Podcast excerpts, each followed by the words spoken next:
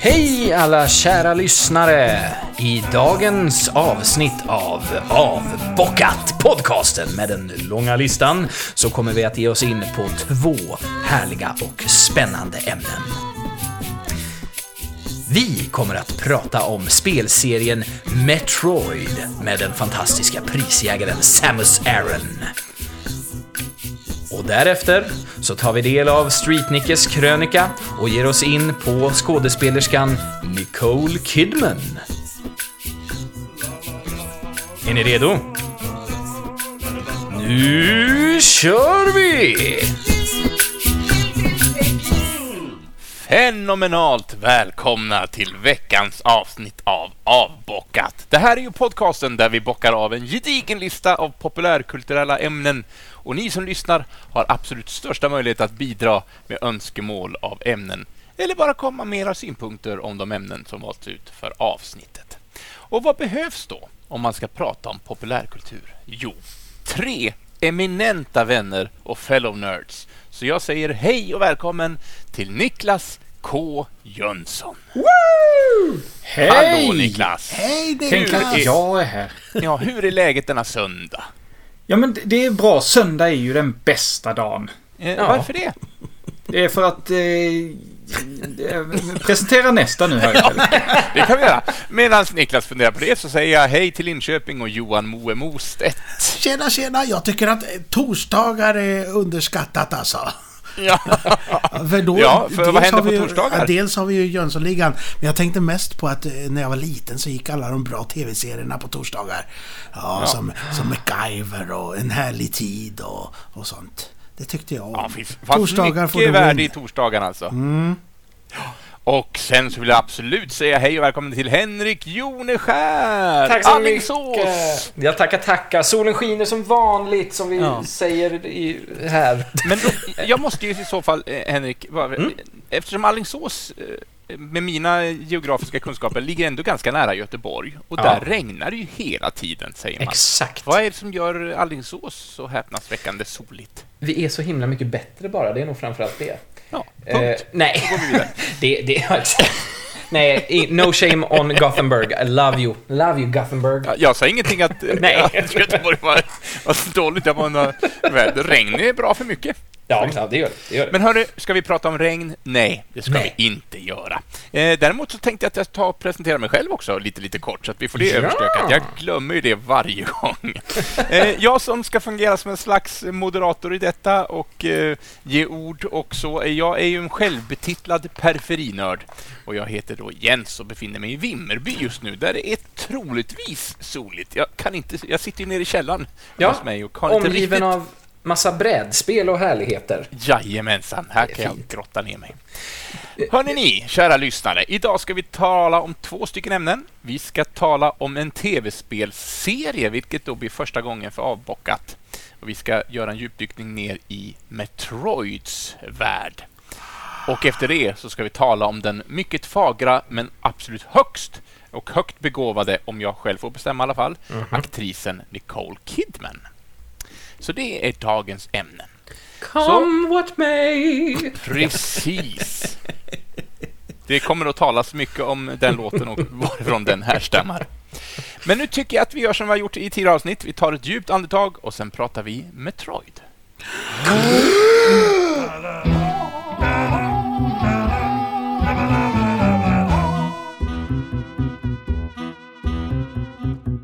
–1986 skapade Nintendos utvecklaravdelning R&D 1 ett spel som skulle komma att utveckla sig till en mycket framgångsrik spelserie och har idag gett upphov till mindre än tio stycken uppföljare på olika enheter. Idag snackar vi Metroid.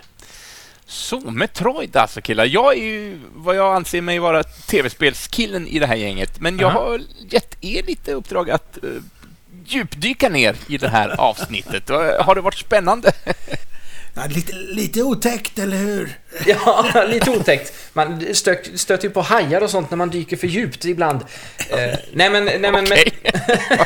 Metroid eh, är en sån se- spelserie för mig. Alltså man, jag känner ju karaktären eh, Samus, eh, som vi kommer prata om mer eh, i avsnittet här. Eh, men det, det är i princip det jag kan. Alltså jag har spelat det första spelet lite grann på 8-bitars. Och sen har jag bekantat mig med karaktären främst i Smash Brothers-serien. Eh, eh, som kom, eh, ja när det nu var, under tidigt 2000-tal tror jag. Eh, men så, så det är liksom, det är lite av en blind spot för mig det här ämnet. Så därför känns det jättekul att liksom få ta del av vad, vad vi alla har hittat för skojsigheter. Absolut.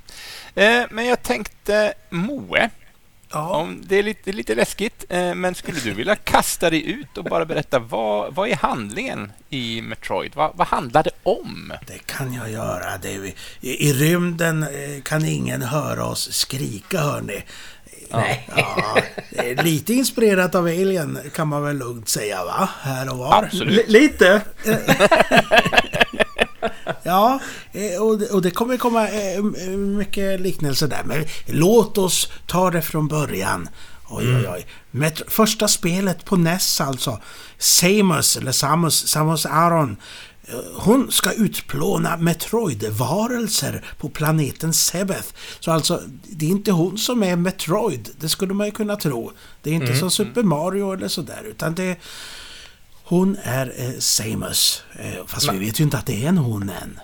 Nej, exakt. De, man kan säga att de gör en, en Zelda Ja, eh, med titeln där. Att, eh, ja, för i, i Zelda-spelen så huvudkaraktären är ju inte karaktären Zelda, utan det är ju Link. Men, Just ja. det. Det har du rätt i. Och om man vill veta mer om, om eh, eh, Zelda så, så kan vi ju rekommendera ett, ett, ett eh, avsnitt av Nöjeskrysset som jag och Jens gjorde tillsammans med två eh, Zelda eh, nördar eller fantaster. Och och Jag kommer inte ihåg vilket avsnitt det är men scrolla där på våran lista i bland avsnitt här så kommer ni kunna hitta det. Väldigt eh, trevligt avsnitt måste jag säga själv. Mycket, mycket, mycket. Jag bara instämmer till fullo i detta. Eh, som sagt, de här Metroid-varelserna de finns på planeten Sebeth. Och eller genom att förstöra moderhjärnan som styr dessa så, så klarar man spelet då till slut. Ehm, Samus är en för detta, före detta soldat från den galaktiska federationen. Det, sådana ord tycker jag om alltså. Ja, det, det är jag med. ja, men här är man, alltså bara på det lilla du har berättat så är man ju, eller jag i alla fall, redan såld. Ja, ja. Jajamän. Give me. Ja, Okej, jag ger, ger dig de en, två, tre, fyra, fem nästa orden här också. Ja. Som nu arbetar som legosoldat. då då har Yes, man ju det please. också, liksom. Det låter coolt. Ja. Jajamän. Till, till sin hjälp att ha ihjäl de här monstren och moderhjärnan så har hon en dräkt från en uråldrig ras kallad Jozo. Som går att uppgradera och det är det hon gör va. Hon, kan till slut bli en morfboll. Eh, och, ja, hon kan göra massa grejer och få raketgevär och allt möjligt sånt där. Morfbollen tycker jag är lite kul. Att det är från början en genväg för programmerarna. Eh, så att Ja. de skulle kunna gå igenom spelet lite snabbare när de skulle fixa några bugg Ah. eller någonting. Men så tyckte de att det var mycket roligare att spela som bollen än som karaktären. Så de bara, ja men tusan, det här måste vi ju låta spelarna få ta del av också. Vilket är ju en schysst lösning liksom. Eh, Supersmart faktiskt. Ja. Och sen, sen kan man tänka sig att, att det är krångligt att animera den här krypande Ja, ja. personen också. Eh, det är ett väldigt ensamt spel. Man, man träffar ju liksom ingen eh, allierad. Eh, och efter att man haft ihjäl alla monster och moderhjärnan eh, så startar en nedräkning och då måste man tillbaka till rymdskeppet eller innan allting sprängs. My God! Ja. Eh, Press också. Vad sa du? Det, ja, det, det ligger press på Ja, en där i, i press där. Ja, ja. Eh, beroendes på sluttiden och det här var väldigt, eh, vad jag fattar, lite eh, nytt, nyskapande. Beroendes på sluttiden när man kom tillbaka till dit man skulle så fick man ett alternativt slut. Och om man gjorde det snabbt nog så, så blev det att man fick se att Seymour var en tjej. Så att Precis. även om man spelar, klarar spelet så kanske man inte fick den revelationet. Eh, Nej, just det. Nej. Jag vill minnas att det var så att man var tvungen att spela igenom spelet två gånger och andra gången, men det, Det kanske var att man hade lärt sig spelet och var snabbare. Det kan ju vara så också. Ja, precis. Ja, men, men eh, du har spelat eh, första spelet, eh, Jens, eller? Absolut. Jag satt ju klistrad vid apparaterna när det här kom 1986. Mm. Och det, ja, det var ett banbrytande spel för att eh, det man hade spelat innan på NESen, alltså Nintendo Entertainment System, var ju Super Mario Bros. Mm. Eller bara Mario Bros, där de är rörmokare. Mm. Men eh, Super Mario Bros var ju banbrytande för att det var ett, eh, det var ett, liksom ett äventyrsspel med en historia på ett helt annat sätt än vad det hade liksom presenterats innan det. Men det var ju alltid en färd från vänster till höger. Mm. I det som var fantastiskt med Metroid var ju att du kunde gå uppåt och neråt och var tvungen att gå tillbaks till ställen du redan besökt för att nu hade du hittat en bit utrustning som gjorde att du kunde komma när eller längre i den riktningen.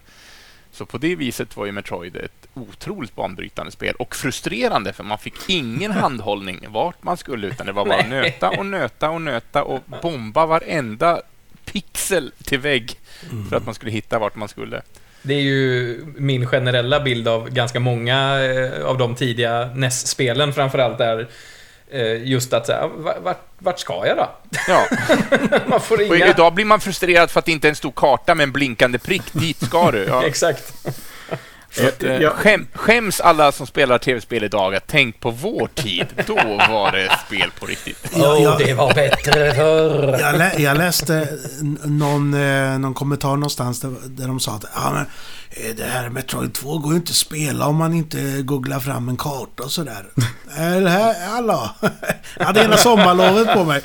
Ja, Jag, jag spelade Metroid för första gången. Jag har bara spelat Metroid en gång. Super Metroid dessutom till, eh, till SNES, Super Just det. Nintendo. Jag spelade för första gången bara för några år sedan på ett japanskt eh, Super Famicom till och med dessutom. Mm. Så det var helt och hållet på, på japanska. Och jag blev ju snabbt, snabbt väldigt frustrerad. För att jag inte visste vart jag skulle. Och så är jag Nej. ju liksom sån här kompletist att jag vill inte lämna ett område om jag inte har liksom utforskat det helt och hållet. Och det kan man ju inte. Man Nej. måste ju gå tillbaka. Och det är ju det som eh, har fått, har liksom gett upphov till den här spelstilen som kallas Metroidvania. Just det. Det, är just, det går ju ut på just det här att du får inte en linjär spelstil utan du ska gå tillbaka. Och Metroidvania kommer från dels Metroid och dels Castlevania och primärt då Castlevania-spelet Symphony of the Night. Men som jag har Mm. förstått så är det liksom spelstilen är mer baserad på Metroid än på Castlevania-spelen. Mm. Castlevania-spelen har liksom har spår av det som Metroid har, men när man kallar någonting för en Metroidvania så är det Metroid man primärt syftar till. Liksom. Och det är liksom så att du, du, ja men den här väggen, den kan du inte ta dig igenom nu. Men om du går tillbaka till det här området senare när du fått den nya pickadollen, då kan du skjuta den väggen och då kan du ta dig igenom. Och där är massor av sådana grejer. Det är väldigt populärt i, i olika spel nu. Och som de flesta så här spel genres så är ju Metroidvania en ganska lös benämning. Jag tror till och med det, verkar, många verkar vilja gå ifrån Metroidvania-benämningen och hitta något annat bättre namn. Men det, det jag, än så länge är det den mest slående jag kunde hitta. Mm. Ja, men må många spel, alltså det var ju där det började och eh, oftast eh, ursprunget är ju det ord som brukar etsa sig fast när man försöker beskriva någonting. Så absolut. men jag kommer ihåg det på... eh, Nu kommer min er, mitt erkännande här att jag har mest spelat eh, Metroid 2, Return of Samus, på Gameboy. För jag var en sån Ja. som hade Gameboy. Och det här var ett av mina favoritspel. Det är så konstigt att jag inte spelat så mycket av de andra spelen då. Eh, Men jag är ju ingen gamer vanligtvis. Men just den här frustrationen eh, och det roliga med att man ser att man har plockat en grej och eh, för att och så ser man att ja, men där är ju en sån där cool pryl, den vill jag ju ha. Mm. Och eh, som sagt, man måste gå och hämta eh, något annat pickadoll för att kunna öppna upp. Och då kan man inte gå den vägen, utan man måste ju gå runt hela banan för att nå till den här lilla kammaren som man såg i rutan förut. Liksom. Eh, tyckte jag var väldigt coolt och roligt eh, när jag var liten. Ehm, ja, Metroid. Ska vi fortsätta med Metroid 2 då? Ja, jag tänkte bara kolla, eh, du, du sa säkert det Moe, men anledningen till att man ska döda de här Metroid-varelserna, får man någon, någon sån storyförklaring i första spelet? Eller är det bara att det är monster och döda dem? Det kommer jag inte ihåg. Eh, Nej. Tror, de är onda liksom. Då, ja, exakt. Det är onda monster. Ja. Jag, ty jag tycker själva handlingen kommer återkomma till det eh, i de Ja. följande spelen här. Ja. Men Metroid 2 utspelar sig, eller det är ungefär samma handling. Det, men den här gången ska man inte till den, den planeten som vi var på förut då, utan man ska till Metroidernas hemplanet SR388. Eh, Då kanske någon eh, dabblar mig med LV426. Där Ja. har vi andra så här, det är väldigt alien-aktigt det här. Ja. Eh, Det är det ju faktiskt. Och de här själva Metroiderna, de ser nästan li- De påminner ju lite om de här Facehuggersarna. Just det. Eh, Ja, men det, det är väl mycket liksom estetiken generellt eh, Ja. i de här Metroid-spelen är, känns ju väldigt eh, av de bilderna jag har sett och vad jag själv minns känns ju väldigt Alien-inspirerat Ja, i mångt och mycket. Och i, i ehm, Metroid 2 när man ibland kommer till en plats där allting är övergivet. Då är det Mm. nästan som att man kommer till den här Space Jockey. Det är en staty liksom. Varför står Ja, den ja. där? Det vet jag inte. Och där har redan någon tagit det här lasergeväret som jag skulle fått annars. Damn it! Ja. Eh, det är lite mer labyrint i det här spelet. Jag var inne på förut. Eh, lite mer så än på förra spelet. Mm. Eh, och när vi snackade Castlevania också förut så hade jag ju det också på Gameboy. Och det var ju verkligen ett vanligt plattformsspel på Gameboy. Eh, Mm. Till skillnad mot det här då som var mer öppen värld. Sådär. Eh, eller öppen Nej, värld, men vet ja, inte om i, jäm, i Ja, jämförelse men i det är föregångaren till öppen värld, tycker jag. Men det är ju de första Castlevania-spelen. Det är ju först i Symphony of the Night som kom till Playstation där de började anamma eh, Metroid... Eh, eh, estetiken. Men Mm, go on. Go on. Jo, eh, eftersom det här är hemplaneten. Då tänker ni, vad kommer hända där? Vad är det Ja. frågan om? Jo, då kommer vi få eh, möta olika stadier av Metroiderna.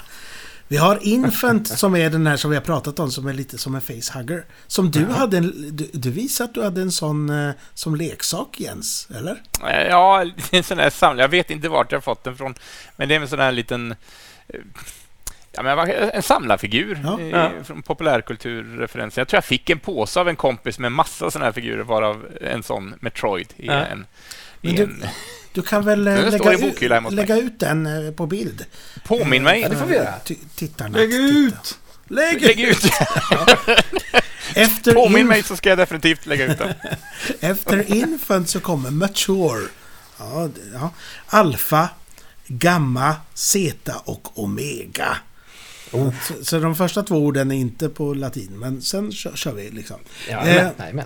Den sista eh, vi möter är en drottning Metroid. Givetvis, det är också lite alien. Aliens. Tänk, vi skulle ta en liten, eh, en liten sån här eh, drink varje gång vi säger alien i det här avsnittet. Kanske. Ja, Eh, I slutet möter Samus en ny, nykläckt Metroid som hon inte dödar. Och som blir hennes kompis och följer med på rymdskeppet. Det tyckte Ja. jag var så himla fint när man, när Ja, man är var liten. Man klarar spelet och bara... Och nu kläcks den, kommer det hända någonting? Nej, den följer med. ja.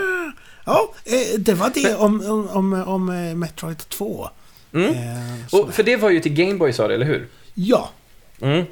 Eh, och för jag tänker att eh, det första spelet sa vi ju var ju till, eh, till NES, alltså eller Nintendo 8-bitars som vi också känner det som. Och jag, jag tror faktiskt inte vi kommer komma tillbaks till, till den konsolen i spelserien. Så jag tänkte, jag har grävt lite grann i, eh, ja, i den konsolen, i NES helt enkelt. Eh, så jag tänkte, jag, tar den biten nu, eh, eftersom vi ändå lämnar den konsolen sen. Men gör det. Ja.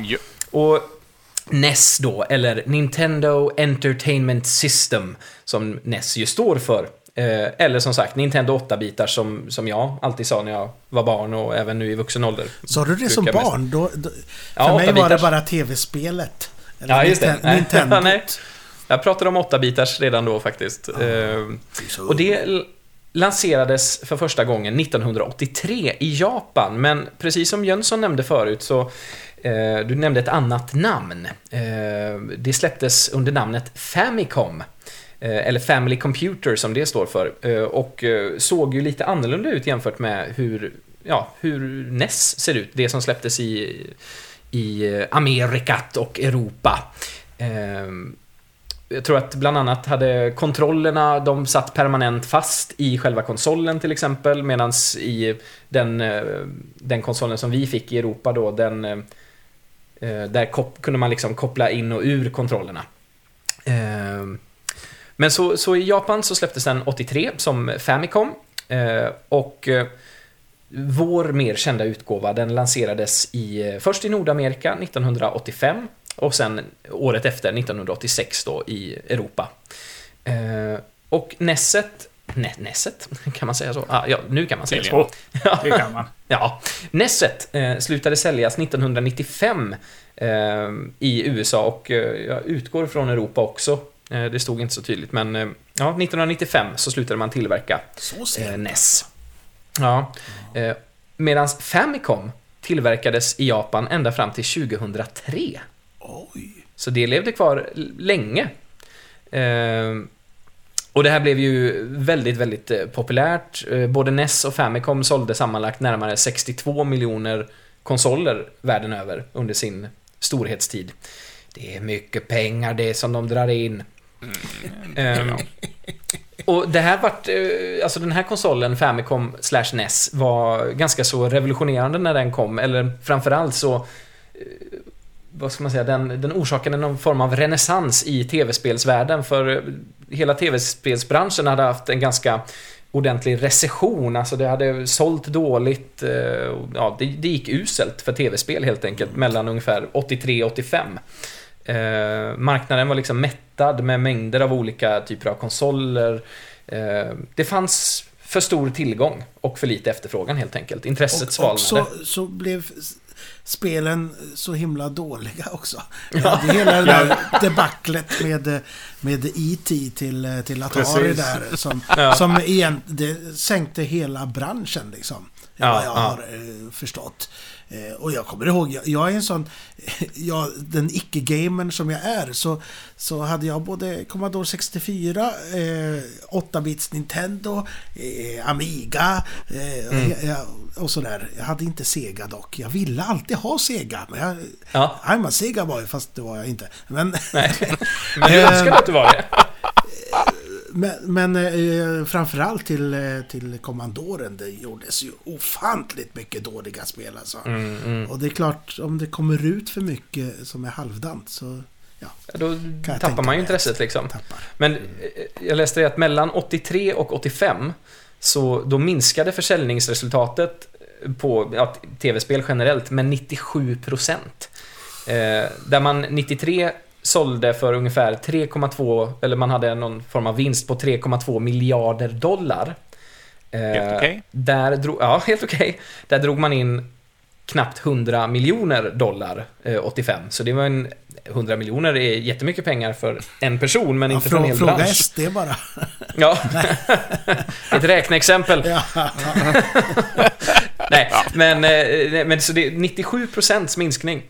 Mm. Men med den här lanseringen, Famicom kom ju visserligen 83 och recessionen fortsatte ju då fram till 85, men eh, det återupplivades eh, liksom med Famicom och NES. Eh, och Nintendo blev ju verkligen en, en kraft att räkna med i tv-spelsvärlden. De hade ju, det var ju eh, Många tror ju att NES var det första Nintendo släppte, men så var det ju naturligtvis inte. De hade gjort andra grejer innan också. Men, men det här blev verkligen liksom nu, nu blev de en power force på något sätt. Eh, när den här konsolen lanserades så kostade den cirka 90 dollar i USA. Eh, och hela 1500 kronor i Sverige.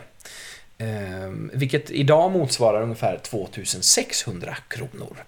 Vilket ju idag är billigt för en, en tv-spelskonsol. Eh, om man tittar på Playstation 5 som ganska nyss har släppts. Det är skitdålig grafik på den Ja, fy fan. Nej men ett Playstation 5 äh, säljer väl idag för 5-6 äh, tusen? Ja, någonting Om man, sånt. om man kan få tag på det. På Tradera så säljs de ju för upp till 10 000. Men det är en, annan, en annan historia. Det var... Eh, Profitörer, sådana gillar vi inte. Ja. Nej, det, Det- var ett om. NES. Eh, I Japan där, alltså Famicom-modellen, där hade de ju lagt till en, eh, en prestandaförhöjare som kallades för Famicom Disk System. Där man kunde Oh. få, få eh, mer plats på ett spel.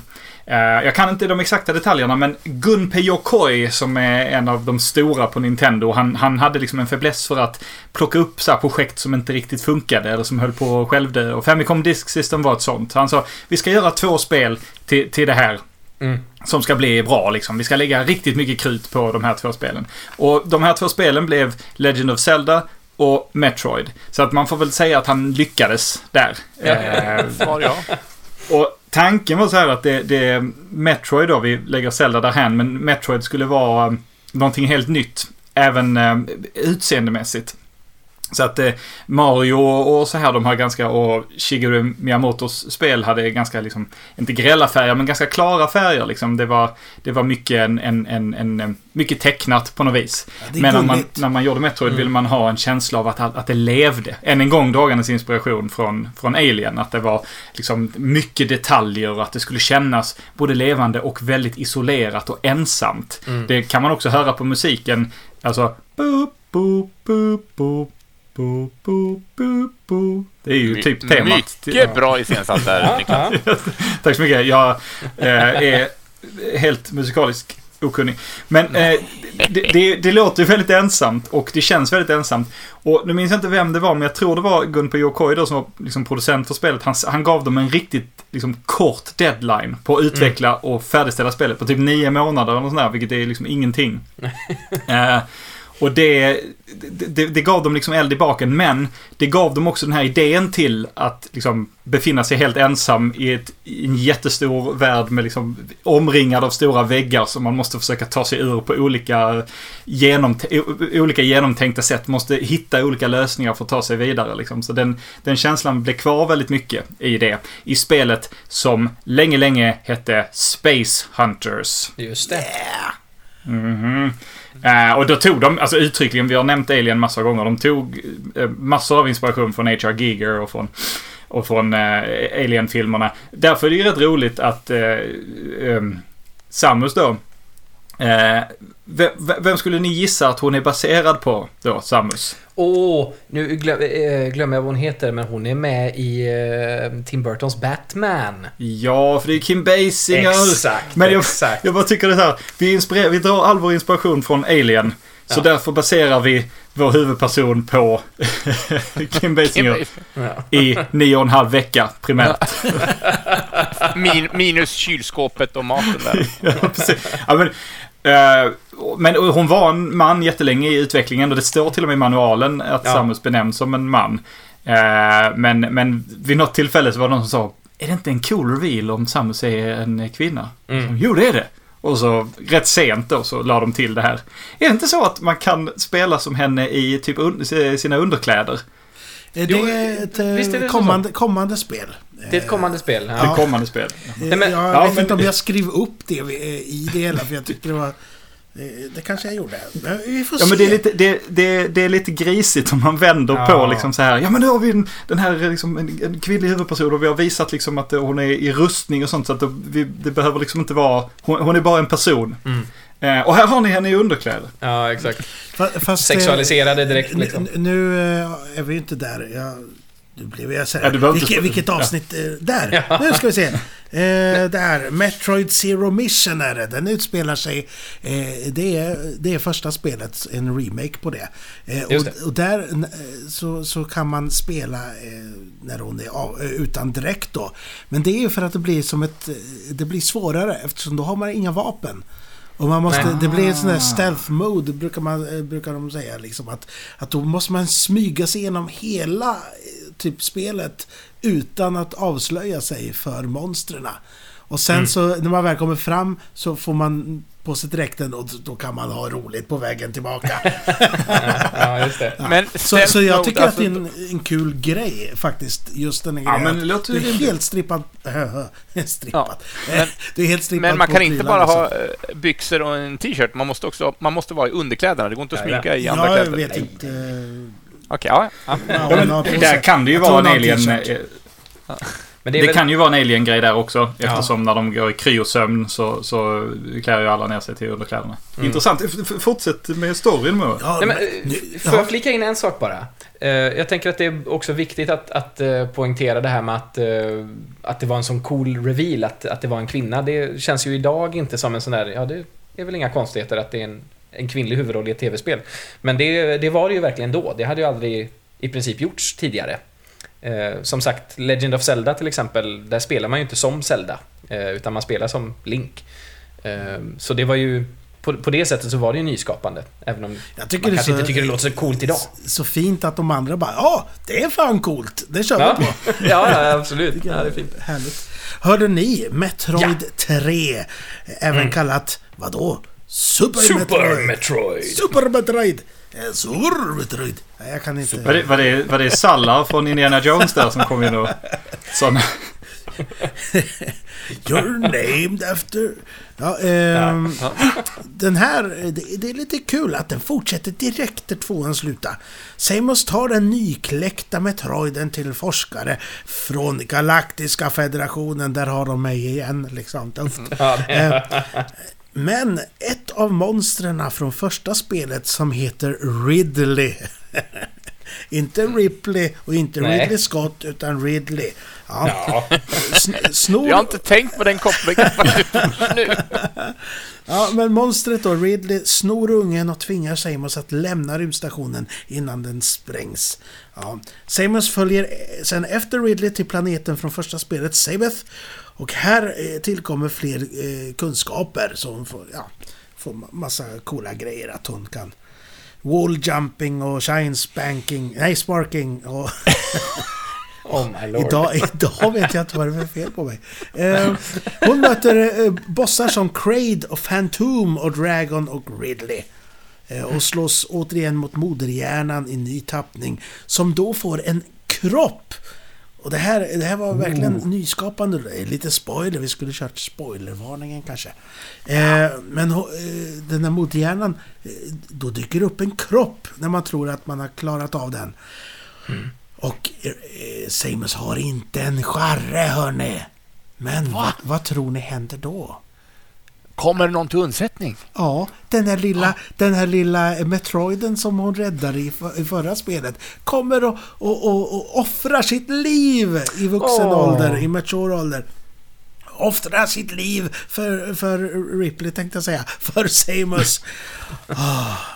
Och sen så börjar allting sprängas. Då, då måste man rusa igenom spelet igen. Och då har man chansen att man kan kanske rädda lite varelser som har hjälpt en på vägen. Eller också kan man skita i det. Ja, och, det, och så Och det gör man ju. Konsekvens. Ja, exakt. Ja. Men det här spelet kom ju till eh, Super Nintendo då naturligtvis, eh, eftersom Ja. det heter Super Metroid. Och det är ju bland de flesta, alltså bland många är det ju ansett som det bästa spelet eh, Mm. i, i, i sviten där. Framförallt originalsviten. Eh, bland annat min kusin eh, Tobbe. Han, han, han eh, hörde av sig och, och var väldigt glad i, i just att vi skulle prata om det här. Om Metroid. Eh, och, och så tipsade han om, man- om man ville veta mer om eh, om spel eh, överhuvudtaget så kan man kolla in en sida. Eh, nu ska vi se, vad heter den? Och så har jag glömt bort vart... Nej, det har jag inte skrivit upp här. Nu Nej! ska vi se. Det får vara en cliffhanger. Ja, det, jag, jag letar upp det vad han skrev där. Ja, För det det. var spännande. Det var ett bra, Ja. bra tips. Men då säger jag så länge, för jag, tror jag Mm. glömde att nämna det. Alltså, eh, regissören till det första Metroid-spelet var Yoshei Sakamoto. Mm. Eh, jag tror inte jag sa det, jag tror bara jag sa producenten.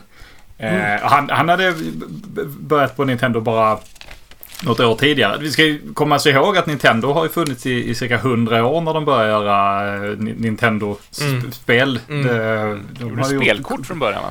Ja, och leksaker och sånt. Och Det- solfjädrar tror jag det är med. Ja, precis. Eh, men eh, han hade varit med och utvecklat Donkey Kong, Donkey Kong Junior och Balloon Fight och sådana här klassiska, lite Mm. enklare Älskar av de gamla. Nintendo-spelen. och ett spel som heter Gumshoes, som jag tycker är ett fantastiskt namn. Gumshoes tror jag är en, en, eh, en eh, så, smeknamn på typ privatdetektiv eller någonting i den stilen. Ja. Eller om det är Ja, polis stämmer. av något slag. Stämmer alldeles utmärkt. Och sen är det två till som Satoru Okada och eh, Hiroji Kyotake. Och de var med och utvecklade, de var liksom med och designade spelet. Mm. Eh, jag kommer inte ihåg om en av dem också gjorde musiken, för jag tror inte det är Koji Kondo som har gjort musiken. Eh, men det skrev jag naturligtvis inte upp, så det kan jag inte säga säkert. Eh, men jag kan också säga att Metroid kommer från två ord. Och det är inte så svårt att gissa vilka de orden är.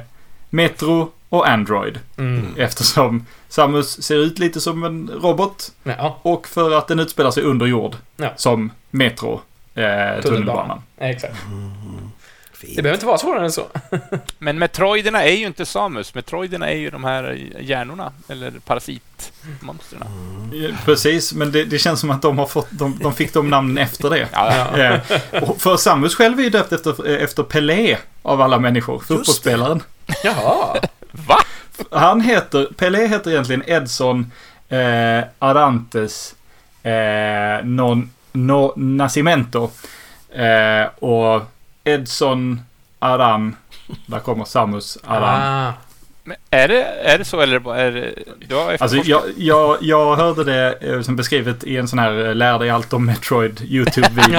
Ja. Och så var jag tvungen att det här måste jag kolla upp. Ja. Och både på svenska Wikipedia och på flera andra ställen på internet så står det att det kommer eh, därifrån. Så det, det Ja. kan ju vara fel, det kan ju vara en, en lögn som har spridit sig över hela världen. Men det, det är inte det man tänker. Nej, nej. Just nu är det den lögnen vi lever efter. Ja, Ja. vi, vi tar det för sanning tycker jag. Men det var ju, vi, vi kommer säkert komma in på, få lite mer story här av Moe snart, men jag tänker att vi har ju fått 12 spel i Metroid-serien. Eh, om man inte räknar med eh, Super Smash Brothers då, vilket ju är väldigt rimligt för det är inga Metroid-spel. Även om Har Samus är du, med. har du räknat med Metroid Prime Pinball? V- Eh, nej, jo, det har visst. Jo, det är faktiskt medräknat. Ja. Det är det. Eh, men det var, det, nu är det ju ganska länge sedan vi fick ett Metroid-spel faktiskt. 2010 kom det, det senaste.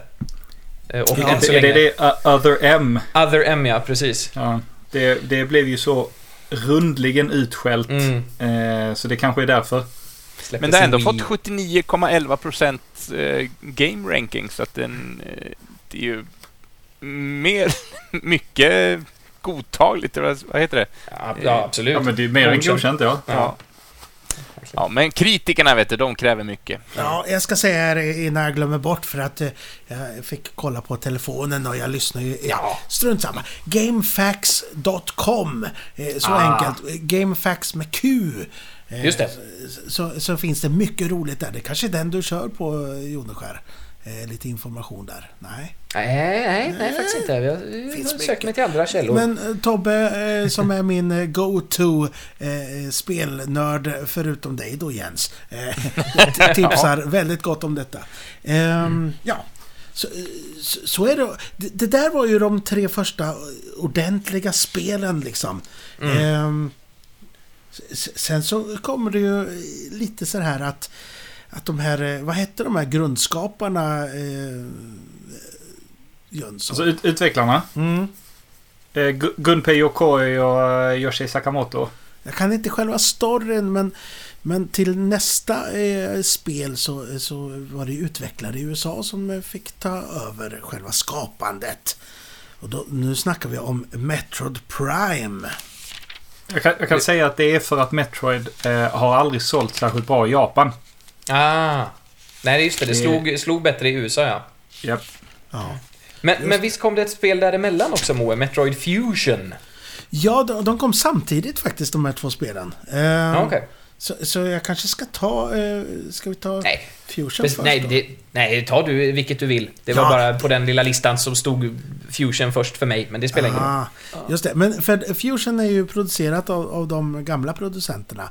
Mm. Och li, lite känns det som att de berättar samma historia fast med olika monster och grejer. Eh, men Ja. Metroid eh, Prime utspelar sig mellan ettan och tvåan. Ja. Efter att ha snappat upp en SOS-signal tar sig Samus till planeten Talon 4 för att besegra rymdpirater. Oj! Det kom pirater. Ja, och, och deras experiment med dödliga elementet Phazon. Ja, och Donald, Donald Faison. Faison. Ja, jag tänkte just på det. ja, eh, under, denna, under denna resa möter Samus även gamla bekantingar som Ridley och nya Metroider. Eh, I detta spel får man nya visirer och sånt också. För det, var, det här är ju sånt här, eh, vad heter det, eh, lite mer first person-aktigt. Mhm. Precis. Är det någon och får jag bara nämna att eh, jag ska erkänna att jag spelar ju första Metroid till NES. Mm. Men Metroid 2 och Super Metroid och eh, Metroid Fusion, de har jag aldrig upplevt. En liten skamfläck i mitt liv. Ah. Men jag ägde en sån Nintendo... Eh, eh, Wii? Nej, vad heter de? Nintendo... GameCube heter GameCube, de. ja, aha. som, som Metroid Prime kom till. Och då var det ju såna rörelsekänsliga eh, nunchakas, tror jag det kallas för. Eh, och då kunde man då... Alltså man siktade med hjälp av dem genom att, precis som en ljuspistol på gamla goda tiden, skjuta på skärmarna. Men man kunde också plocka ur saker Alltså och vrida på handtag genom att göra vridrörelser med, med kontrollerna. Och det var ju riktigt häftigt eh, och nybildande i, i tv-spelsvärlden. Det hade jag ingen aning om att det så fanns innan, innan själva VR-kontrollen som vi är vana vid idag, när man kan manipulera saker i VR, så kunde man nog manipulera saker på tv-skärmen genom att vrida på sina så kallade nunchucks. Men var det på GameCube man skulle alltså? byta bränsleceller på någon, i sitt skepp, tror jag var, då Ja. skulle man göra en sån här. Och det... Jag var hooked. Så det spelade jag med glädje, Metroid Prime. Mycket bra Jag tror, jag, jag tror att jag och Jones undrar samma sak här. Ja, ja men precis. Om, var, var det till GameCube alltså? För, för GameCube... eh, Metroid Prime, det kom ju 2003 där. Eh, Ja, eller är jag helt ute och snurrar nu? Nej, men för, det, för de här nunchakasen, alltså de um, rörelser, det känns ju som en, en Wii-grej om jag inte missminner mig. Ja, Men- jag kanske är helt ute och snurrar. Det kanske var Wien det var till. Ja, Där kom- nu, nu, nu... Just det, jag ägde en GameCube. Jag ägde aldrig ett Wii, men jag lånade ett Wii. Och Nu, är det ett, Vi- nu är det ett minne som dyker upp. Ah. Så att ni, ni är helt... Ni har helt rätt. Ni har synat min bluff. eh, och mitt minne. Det är det vi jobbar Eh, för, så- att sätta dit varandra i Ja, den här podden. ja. Precis. Eh, jag ändrar mig. Det var till det Metroid-spelet som var till Nintendo Wii. Eh, som detta var. Eh, men eh, upplevelsen var ändå helt fantastisk. Ja, det är härligt. Underbart. Ja, jag kommer inte ihåg vilket eh, Metroid-spel det nu var. Kan ha varit Metroid Prime Trilogy kanske? Ingen aning. Det, helst. och det är ju en utgåva på alla de här. För det är jag tycker det blir lite tjatigt att gå igenom alla handlingar till de här Prime. Men det är ju en trilogi eh, där man stöter på de här Phazon och det händer massa skumt. Eh, ja, eh, jag kan ju säga då att eh, om vi går till Metroid Fusion som utspelar, eller som släpptes samtidigt då. Eh, Då startar det när Samus kommer tillbaka från planeten SR eh, 380, alltså från Metroid 2 då. Och Hon är infekterad av en parasit kallad X. Som hon nästan dör av, men hon blir botad av ett vaccin gjord av Metroid-ungen.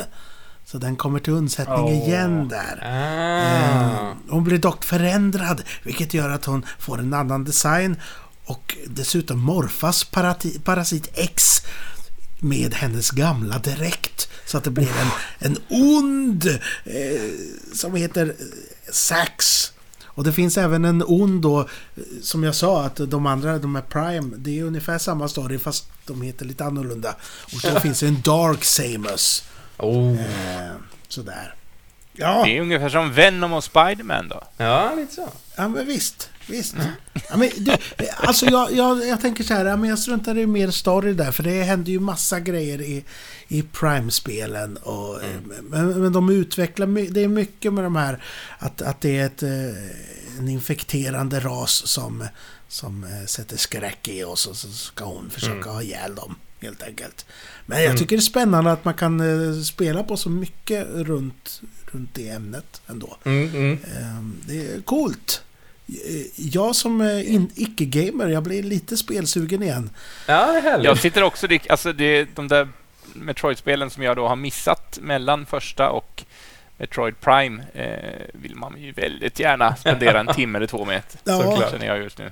Och jag är så tråkig, jag blir sugen på att spela sånt jag redan spelat men som eh, bekanta lyssnare vet så blev ju mitt Gameboy bestulet från vinden. Ja. Så att eh, det är nog någon som sitter där och spelar eh, eh, Metroid 2 någonstans. Det ska de få fan för. Just det. Ja. Eh, eh, ett, ett, Sune Sommar.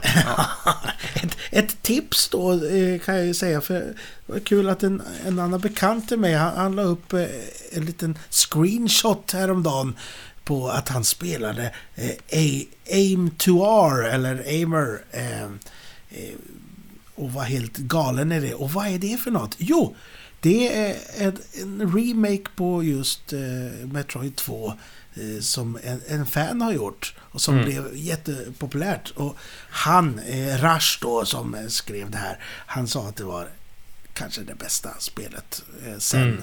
sen, först, eh, sen Super Metroid. Det är tufft. Eh, Det är tufft, tufft alltså. Det är tufft. ja, det var det jag hade om Metroid. Jag som inte vet så mycket om sånt där. Det blir mycket Det Metroid 2 jätte- hörni. Ja, men det är Men det är härligt. gött. Det är så det ska vara. Så, ja men vi har eh, pratat hej vilt och Jag har väl några läsarbrev Henrik som Ja, men det har kanske vi. kan vara värt att nämna. Absolut. Eh, Jonas Blom Bokne skriver eh, att han har bara spelat Metroid Prime på GameCube. Men även om så är fallet så måste man ändå nämna spelmusiken och atmosfären i samtliga spel. Eh, just och, trycker på den här med känslan av ensamhet och isolering mitt i äventyret eh, gör spelserien unik. Där ser du så- Metroid Prime på GameCube alltså. Då var det, stämde det. Mm, ja, men precis. Eh, sen så skriver Emil Palmer också att eh, Super Metroid till SNES är ett masterpiece och troligen ett av de absolut bästa spel som gjorts baserat på atmosfären och pussel och olika teman. Och trycker också på det här med musiken. Sen, vår utrikeskorrespondent Niklas Pettersson. Eh, han kommer ju i det här avsnittet komma med en krönika, men inte om Metroid. Eh, men han har också skrivit eh, att eh, det bringar fram otroligt mycket nostalgiska känslor. Eh, han har bara spelat det första spelet till SNES och eh, då Super Metroid till SNES. Eh, men han har lagt ner ofantligt mycket timmar på båda två. Ska vi se här om han säger något mer. Jo, men, ja, det, jag, jag, den finns att läsa i, på Facebook där i våran grupp.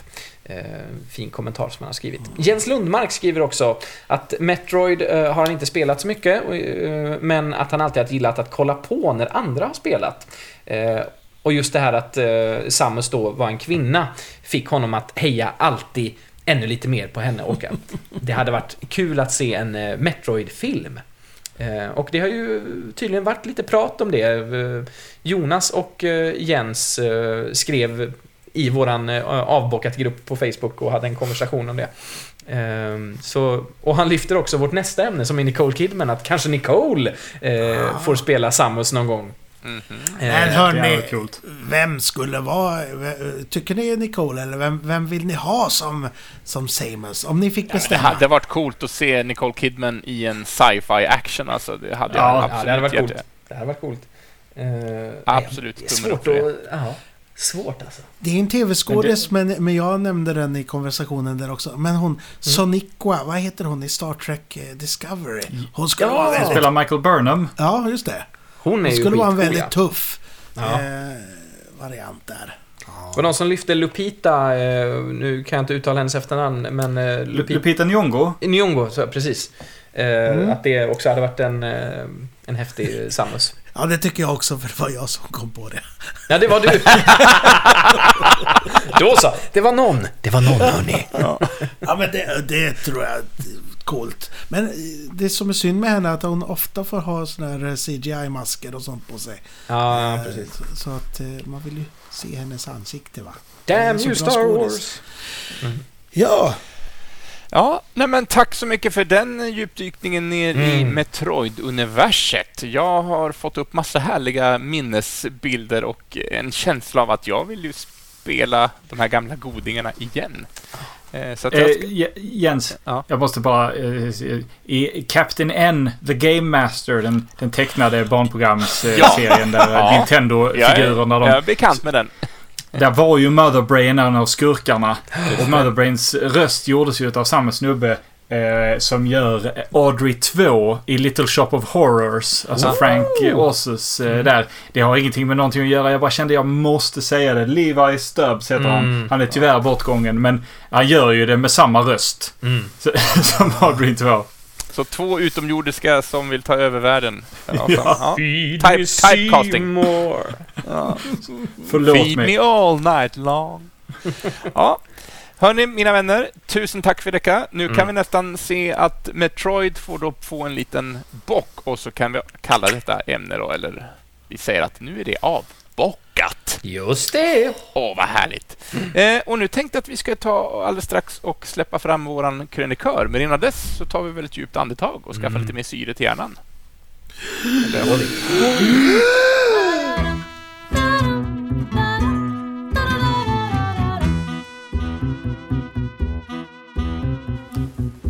Street Nickes krönika! Ja, mina vänner. Jag är tillbaka och denna vecka tänkte jag komma med några förhoppningsvis kloka ord om Nicole Kidman. Kidman är en skådespelare som jag nog har tänkt att jag är ganska neutral till. Hon är stabil, absolut, men ingen favorit direkt. Men när jag satte mig för att titta igenom hennes filmografi inför denna krönikan så insåg jag hur fel jag hade i mitt antagande. Hon har under sin karriär visat upp en otrolig bredd istället för att hamna i ett specifikt fack av roller som vissa andra kanske gör. Till exempel som ett tungt ankare i den spöklika klassikern The Others från 2001. Som en fantastiskt underhållande real life cartoonskurk i Paddington från 2014. Som en sargad och nedbruten undercover-polis i Destroyer från 2018. Och det var länge sedan jag såg Batman Forever från 95. Där hon spelar Dr. Chase Meridian. Men jag vill minnas att hon var en ganska stabil del i den annars lite svajiga superhjältefilmen. Och sen får vi absolut inte glömma min absoluta favorit. Som förförisk kurtisan i mästerverket Moulin Rouge från 2001. Där hon även får visa prov på sina sångkunskaper också. Jag har helt enkelt kommit till insikten att hon är en mycket bättre skådespelare än vad jag har gett henne cred för och jag ska omedelbart ändra på detta. Och jag blir också sugen på att ta mig an några blind spots som jag fortfarande har med henne som till exempel Timmarna, Big Little Lies och eh, Margot at the Wedding. För att se om min uppskattning för henne kanske kan växa ännu mer. Vilken film och vilken sida av Nicole uppskattar ni mest? Och ja, vi är på first name basis. Till nästa gång, Party on dudes! Street-Nicke out. Så, eh, mina vänner. En kvinna född i Honolulu, uppväxt i Australien, blev mycket uppmärksammad i miniserien Bangkok Hilton och internationellt erkänd i Dead Calm, eller som det fick heta i Sverige, Lugnt vatten från 89. Nu ska vi prata om Nicole Kidman. Mm. Chase Så. Meridian. Ja, är det den första rollen du tänker på, Henrik? Ja, men ja, faktiskt. Det, är nog som barn mitt första möte, höll jag på att säga, med Nicole Kidman. Eh, som som Batman-fan redan som barn så tittade jag ju på filmen Batman Forever med stor glädje, även om jag kanske inte minns den idag som den bästa av eh, Batman-filmerna som finns. Men, eh, nej men där är hon ju med eh, som den här psykologen ja, hon är väl psykolog, eller psykiatriker kanske. Ja, nej, men psykologen Dr. Chase Meridian som bland annat har eh, behandlat eh, Two-Face och sådana där och, är ju väldigt intresserad av att göra en psykoanalys på Batman själv. Så ja, det skulle jag nog säga är min första spontana tanke, även om jag har sett bättre filmer med Nicole Kidman. Jag, jag tror att, att eh, den Batman-filmen kommer få en revival snart. För att, Tror du det? Ja, det tror jag. Jag, Ja. jag, jag, minns den, jag minns den som att jag tyckte den var så himla bra när den kom. Mm. Och sen har den fått ett back... Backslash, eller vad säger man? Back... eh, Backlash. Ja, back- backlash, ja. Backdraft i flera år. Eh, jag tror det kommer komma tillbaka. Eh, Ja, ja. Den, den lider av att Batman och Robin var så fruktansvärt dålig. Den lider, Ja, det- lider av det liksom. Ja, det gör det. Fast eh, jag såg om den för några år sedan eh, för att jag mindes att jag älskade den så mycket. Ja. Eh, och det, det, det är fel Moe. Det, it's, it's wrong. It's wrong. Ja, men okej, låt gå. Men vi ska inte prata om just den filmen idag. Nej, nej, det ska vi inte. Vi ska prata om Nicole. Ja, och hon har gjort en massa, massa filmer. Eh, många som kanske har också gått lite under radarn, men som kanske kan vara värt att nämnas. Men jag vet att du, Henrik, har tagit en liten extra djupdykning i filmen Dogville. Ja, precis. Ska vi börja där, bara för att börja någonstans? Ja, men det kan vi absolut göra. Eh, det, det är en av mina personliga favoritfilmer med Nicole Kidman faktiskt. Eh, det är ju en film från 2003 eh, som är gjord av Lars von Trier. Eh, som, ja, det var väl innan han riktigt ballade ur, om man får säga så. Men eh, man kan väl säga att det var en ganska Han tydlig kukade början. ur till slut. Ja, ja exakt. exakt. Eh, Men man kan väl säga att det var en ganska tydlig början på en ganska experimentell era i hans filmskapande. Eh, nej, men jag, jag, jag såg den, eh, ja, det måste ha varit där runt 2003 och då var inte jag så jävla gammal. Eh, Men jag fastnade direkt, jag blev helt klistrad alltså. Eh, och det är, ja men bara kort om storyn då. Genom nio kapitel så, så följer vi den unga kvinnan Grace som då såklart spelas av Nicole Kidman. Eh, hon har blivit överfallen av gangsters eh, och flyr upp i, eh, i bergen eh, och hamnar då i den lilla, lilla staden Dogville uppe i The Rocky Mountains där hon träffar den unge mannen Tom, spelad av Paul Bettany. Eh, han säger att det, det går inte att eh, ta sig igenom bergen, eh, men lovar att hon kan få gömma sig för de här gangstrarna i eh, staden Dogville då. Eh, De övriga invånarna är ganska skeptiska till det här, men de bestämmer att hon får två veckor på sig att eh, bevisa att hon är en bra person. En god människa som kan passa in i deras lilla by. Eh, Hon försöker ju liksom göra sig vän med de här invånarna. Eh, men sakta men säkert så börjar de ju utnyttja hennes eh, extremt utsatta situation eh, och används i slutändan som någon slags eh, slav. Eh, och ja, eh, jag ska inte avslöja hur det slutar, men det, det kulminerar ju på ett väldigt eh, häftigt sätt, tyckte jag då. Eh, men, och det är lite kul, filmen är ju inspelad eh, helt och hållet i Trollhättan eh, här i Sverige. Ehm, och vad som gör den så speciell, eh, alltså storyn är ju ganska ordinär ändå på något sätt. Ehm, men det som gör den speciell och för mig lite mer obehaglig, det är att den är inspelad i en stor, stor blackbox, alltså ett stort svart rum. Ehm, helt utan någon direkt dekor, eh, Eh, med undantag för möbler och liknande. Men alla fasader, alla hus och sånt, de är bara markerade i det här svarta golvet eh, med vita linjer. Och så står det liksom skrivet, eh, ja men typ Main Street till exempel, står det skrivet i vit text på golvet och sådär. Eh, och det som blir av det, det är att eh, allt utspelar sig samtidigt. alltså man ser allt hända. Eh, det finns en fruktansvärt obehaglig scen eh, där Nicole Kidmans karaktär, när Grace eh, blir eh, våldtagen av, eh, av en av de här byborna, byborna spelad av Stellan Skarsgård. Eh, vilket ju, ja, det är, det är en fruktansvärd scen.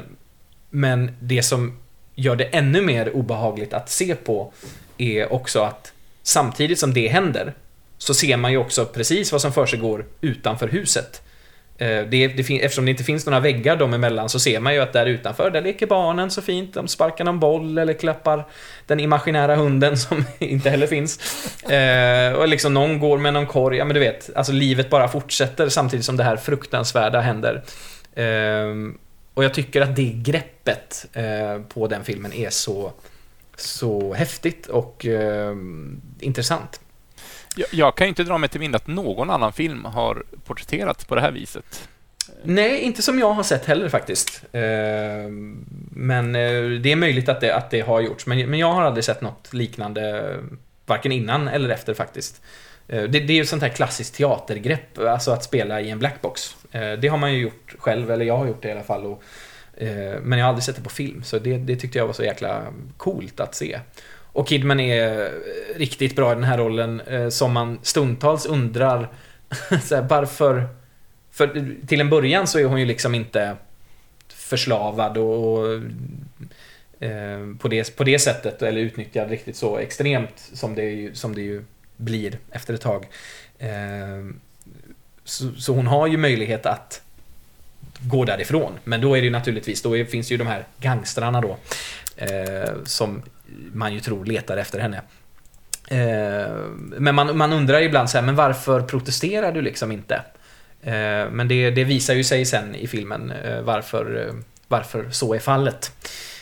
Så ja, Kidman är, är, riktigt, riktigt bra i den här. Och utöver henne så ser vi då som sagt bland annat Paul Bettany, Chloe Sevigny, Stellan Skarsgård, Lauren Bacall och flera till. Och dessutom så, som sagt, den är uppdelad i nio kapitel och eh, då är det ju ganska självklart att man också har en berättare genom eh, berättelsen och då är det John Hurts magiska stämma som tar oss genom, genom storyn.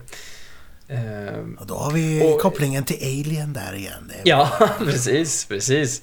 Eh, Paul Bettany har sagt att, eh, bara sån här bonus-trivia om just den filmen. Paul Bettany har sagt att han inte har och aldrig kommer se den här filmen. För att han avskydde att arbeta tillsammans med Lars von Trier. Eh, som, ja, han vägrade släppa in några synpunkter på hur saker och ting skulle porträtteras. Ja, men en klassisk sån demonregissör som man ju säger. Eh, och jag vet, jag kommer faktiskt ihåg det efter att filmen hade haft premiär, att Nicole Kidman gjorde något liknande uttalande, eller hon sa då att jag kommer aldrig mer jobba med Lars von Trier. Eh, det var en spännande upplevelse, men never again. Sen var det ju dock prat om att hon skulle eh, vara med i andra projekt, bland annat hans, eh, de har jag aldrig sett dock, men Nymph Nymphomaniac skulle hon ju vara med i, men var tvungen att hoppa av. Eh, så det verkar som att de... Vara med. Nej, precis. ja, ja, jag, men jag tror att det var någon sån schemakonflikt, men det, det kan ju vara något att skylla på i och för sig. Men det, det verkar som att de har... Ehm, de har ändå bibehållit någon slags relation till varandra, hon och Lars von Trier. Eh, men det här är för mig som sagt en, en personlig favoritfilm med Nicole Kidman. Eh, kanske inte enbart, eh, eller absolut inte enbart baserat på hennes prestation i den. Men, men som sagt, hon är strålande bra. Verkligen. Och jag kan rekommendera att man ser den. Jag vet att alla tycker inte om den. Det finns till och med de som avskyr den. Men, men ja, jag minns den med med glädje höll jag på att säga. Fast det är en väldigt obehaglig film. Jag trodde du skulle säga värme också. Det är också ja, exakt. Jag minns det med värme. ja. Nej, det, den, är, den, är, den är riktigt obehaglig stundtals. Eh, ja, men... Jag måste erkänna att det är en liten skamfläck, men jag har inte sett Dogville. Men Nej. Eh, jag inser att inte jag det, här, det här är en film man ska se. Eh, bara för att den är så speciellt gjord, men också som du nämnde att det är många fina skådisar i den och jag antar ja, att upplevelsen kommer bli ett filmminne som kommer att ändå hänga kvar. Ja, men jag tror det. Oavsett om man tycker om filmen i sig eller, eller inte så är det bara just för greppets skull så, så har den verkligen satt sig i, i mig. Och jag, jag gillar den. Men eh, den är tuff. En tuff mm. film. Jag, jag, har inte så mycket till övers för von Trier, så jag liksom har aldrig Nej. känt... Eh, Riket tycker jag väldigt mycket om, mm. eh, men, men det är också det. Eh, men det är inte von Trier vi ska prata om. Det är Nej, det är det inte. Nicole Han kan få det. Nicole. Visste ni, Nicole Kidman är ju, eh, har ju dubbelt medborgarskap. Mm. Hon är, hon är född eh, till australiensiska föräldrar, mm. men på Hawaii. Precis. Mm. Så, så eh, hon pratar ju med sin australiensiska brytning. Hon har ju en australiensisk brytning. Det, det kommer jag ihåg var lite av en sån What? Jag såg henne i en sketch i, i Saturday Night Live mot mm. Michael Myers. Eh, tyvärr är det ett sånt tillfälle där liksom kändisgästen mest är straight man och Michael ja. Myers mest tramsade runt. Eh, så. Men då pratar hon alltså, liksom alltså, sin vanliga brytning mm. och, och eh, jag tänkte, jaha, ja, ja, ja, det är inte så konstigt. Nej. Nej det, det, det, finns ju folk som är därifrån, Australien. ja. Som hon, liksom, hon är uppvuxen i Sydney. Jag tyckte det var så härligt. Eh, Pettersson tar upp det i sin, eh, sin krönika att hon spelar liksom skurken i den här Paddington-filmen. Ja. För, för hon, det är inte, hon är inte skurk särskilt ofta, Kidman. Eh, hon är ju många saker men hon är inte skurk. Men jag läste på Wikipedia att när hon var liten så såg hon Trollkarlen från Oz och tyckte att Margaret Hamilton som spelar alltså uh, The Wicked Witch of the West ja. uh, var så inspirerande. Så var då hon bestämde sig för att hon ville bli skådis. Just det. Och då, då är det ju nästan lite hemskt att hon aldrig fått spela den här liksom over the top-skurken. Men ja, Villain. Men bevisligen får hon på- ju det i, eh, i Paddington. Ja, men hon är väl också eh, lite skurk i Guldkompassen som filmades. Mm. Åh, det, den har jag inte sett. Jo, nej men visst. Det är, Alltså in, in, inte alltså filmen Guldkompassen och inte, Mm. inte His, Dark, Dark Materials, Materials. som kom sen. Utan. Men Jo, jag har, minns dock inte filmen så mycket, men jag har för mig att hon var ändå skurken i den. En eh, kompis till mig, han har också skrivit det som ett, ett lyssnarbrev eh, där han lyfter Moulin Rouge eh, och just Guldkompassen som hans favoritfilmer med Nicole Kidman. Eh, han, han älskade den, den Guldkompassen-filmen och kan ju än idag inte riktigt förstå varför, det inte har, varför de inte fortsatte helt enkelt på att göra filmer. Och då det är sådär, vi ibland blir det liksom kommit- avbrutet. Ja, avbrutet. Och nu avbryter jag med Ja. dagens första onödiga fakta om Nicole Kidman. Eller var Ja. det, inte, det var inte Låt den höra. första. Utan det hade ju, hade ju Jönsson där förut med dubbla medborgarskapet. Så... Ja. Eh, hon bröt ett revben och skadade knät under inspelning av Moulin Rouge. Ja, där ser ni. Mm. Ja, Där ni.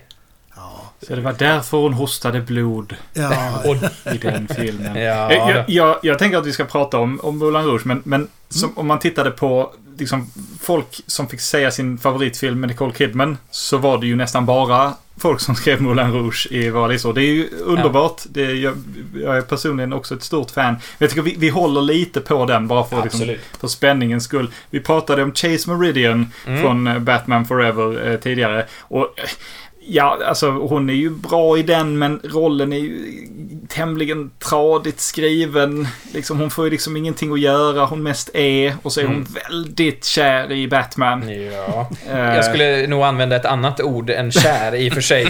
Ja, Eh, baserat Ja. på vissa scener som de har smeka läderharnesk och grejer. Men, it's the car right. Chicks dig the car. nej men, Eh. rolig grej där, förlåt, jag flikar in här, eller Nej, men kör. Eh, att eh, du sa det med, med skurkar, att det är, lite, det är synd att hon då inte har fått spela de här over the top villains. Eh, och jag kan bara hålla med, men det, fanns tydligen en tanke från Joel Schumacher. Eh, att... Eh, Här genomsyrar vi inte programmet med personliga åsikter. nej, nej, absolut inte. Nej, men att hon skulle spela Poison Ivy. Men... Jaha. Eh, men Det för- hade jag velat se. Ja, det hade varit kul. Och då kommer den andra eh, onödiga faktan här. På tal om Poison Ivy som, eh, som ju eh, brukar hänga vart då? Eh, bland sina eh, Växter. växter. Eh, Ja. Nicole Kidman, hon tycker om att slappna av i trädgården. Ja. ja. Vad fint. Eh, Ja, ja, och det, det, ja. Ja, nej, kör, kör hjälp för allt. Nej, jag skulle bara säga så här, du undertrycker inte ordet, eh, ordets mening när det gäller onödig fakta. Jag har hittat det här. Jag såg eh, ett eller två program av någon sån här eh, nedräkningsprogram på YouTube om Nicole Kidman. Då var det många Ja. såna här. Vill ni få en till här? Ja, Ja, släng på en till. Hennes favoritost? Det är getost. Det säger Ja. säger- finns många olika sorter där. Men... ja. Nej, nu kändes det som att jag förringade hennes, eh, hennes Nej. eh, skådespeleri här. Men eh, en inte. fakta här är att hon fick en Oscar för Virginia Woolf i, Mm. i Hours. Jag såg ju timmarna, eh, som den heter på svenska, eh, Mm, veckan som var. Helt okej. Eh, Mm. Jag förstår inte riktigt eh, vad det var hon gjorde som, som fick henne att få en Oscar. Eh, Hon ser ju inte ut som sig själv. Det brukar ju vara typiskt en sån grej. Ja, Ja, det är sant. Det är Oscar sant. för. för Ja, men jag, jag kommer ihåg att när den filmen var på tapeten att det var mycket snack om att ah, det är inte hennes riktiga näsa. Hon har ju en pros, eh, protes. Ja. Eh, och, Ja, jaha. det är nästan är, som är det värt är- att lägga journalistiken på liksom? det, det, senaste nytt. Skådespelare ikläder sig roll. Ja, ja, Nej, men, exakt. jag tyckte Exakt. den var helt okej filmen. Eh, Den var bra. Eh, jag, jag började kolla på den nu i veckan som var också. Ehm, men jag gjorde ju misstaget att starta den typ så här 23 på kvällen samtidigt som jag hade lagt mig i sängen. Och det, och det är liksom när man redan är lite trött och så ska man titta på Uh, den typen av film. Uh, ja, jag kunde tyvärr inte hålla mig vaken men, men det ger det skyller jag inte på filmen för, utan det var jag som var ostrategisk. Bra Men det- skådespeleri i övrigt, tycker jag. Verkligen. Det var, Ja, men alla övrigt- de fyra är ju fantastiska. Mm, Eh, Julianne Moore och... Nu har jag tappat vilka de andra är, men... Julianne Moore är ju fantastisk i den där. Ja. Jag tyckte hon var jättebra. Hon var värd Oscar kanske.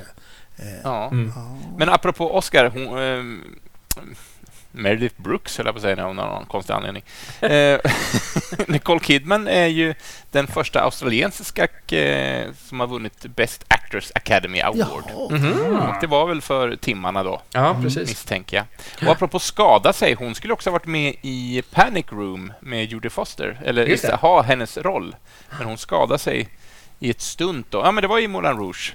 Så Mm. att, eh, därför gick Ah. eh, rollen till Jodie Foster istället. Aha. Men du, Jens. Eh, Mm. Den här frågan som eh, Pettersson ställde. Va, va, va, vad tänker du på för... Vad är din inre bild av, eh, av Nicole Kidman? Vilken roll är det som dyker upp då? Ja, eh, alltså det är många, men en av mina favoriter är ju i eh, The Others. Mm, eh, spökfilmen The Others. Som jag tycker är ett mindre mästerverk. Jag tycker Mm. den är skitbra. Eh, spännande. Eh, och den spelar absolut rätt på alla, alla mina strängar. Liksom. Mm. Så det är, eh, hennes roll kanske inte... Alltså den, är, den är lätt platt, men hon bidrar med en atmosfär till filmen som passar helt rätt. Tycker jag. Och, och, så, det- så absolut. Men sen också, jag älskar ju Moulin Rouge. Även den kanske i sin historia inte så överväldigande, men eh, musiken och Mm. eh, att hon, och hon balanserar mellan det här flörtiga till att vara faktiskt väldigt humoristisk och komisk till Mm. att vara väldigt dramatisk. Eh, väldigt fint spel, mm. tycker jag där. Jag tycker du sätter... Förlåt, du fortsätt. Nej, nej men vad vill du säga? Henrik? Jag tycker, nej, men jag tycker du och eh, också Pettersson i sin krönika, att ni sätter fingret på Nicole Kidman där på ett bra sätt. Just det här att hon ger en, eh, en atmosfär liksom. För, Ja. nej, absolut, alla filmer som hon har varit med i, som så många skådespelare naturligtvis, är kanske inte världens bästa film. Eh, men jag tycker verkligen att det är någonting med Nicole Kidman generellt. Att det hon är med i förhöjer hon liksom. men hon Ja, har ju men Star- hon förstår Star- vad hon är med i och bidrar till någonting och inte... Jag får inte det här vibban att hej, jag är en stor skådis, Nej. jag ska ha mycket screen time Nej. och visa hur, hur vacker jag är eller hur bra jag är. Utan Mm. jag, jag tycker att hon, hon är där av rätt anledning. Mm, Eh, exakt. Men jag tänkte på en, pri, en film som kanske inte så många har sett. Den heter Till varje pris. Som kom 1995. Är det någon som har sett den? Nej, Nej, Inte jag har inte sett Eh, den. Det är en, ja, någon har sett den men inte jag. Eh, det är en thriller, eh, och, men också med mycket nyanser av svart komedi.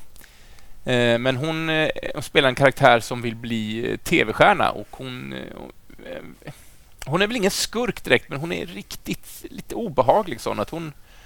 Hon, eh, hon ska bli det till varje pris, så Ja. som filmen, titeln säger. Eh, så den kan jag, det är mitt lilla tips i så fall. Om man ska nämna något från hennes karriär. Mm. Hon har ju haft eh, ganska eh, intressant eh, att få spela ganska mycket olika grejer. Mm. Alltså det har ju många skådespelare så det är en rätt intetsägande sak att säga. Men nu, nu i bara på allra senaste 2018, 2019 eh, och 2020 så, så gjorde hon liksom tre stora produktioner men väldigt olika roller. Eh, 2020 så spelar hon ju en av, en av huvudpersonerna eh, men kanske den mest anonyma i den här eh, musikal The Prom. Just som eh, gick på, på Netflix. Det handlar ju om ett gäng liksom Broadway-nissar som tar över en bal eh, i någon liten småstad. Och där spelar hon en, en evig så här chorus girl som aldrig har fått en huvudroll. men som liksom är med i gänget. Och hon, hon, det gör hon med en, en härlig klackspark alltså. Det, det var väldigt härligt att se. Och framförallt blir det ju ännu roligare med tanke på att hon just var huvudrollen, alltså Nicole Kidman själv var huvudrollen i Moulin Rouge. Liksom så blir det roligt att se henne spela någon som är... Det är lite, det är lite svårt att... Alltså, det är lite svårt att se henne som någon som är anonym. Mm. Eftersom Ja. det är Nicole Kidman. Eh, men, men eh, hon gör det väldigt roligt. Och sen...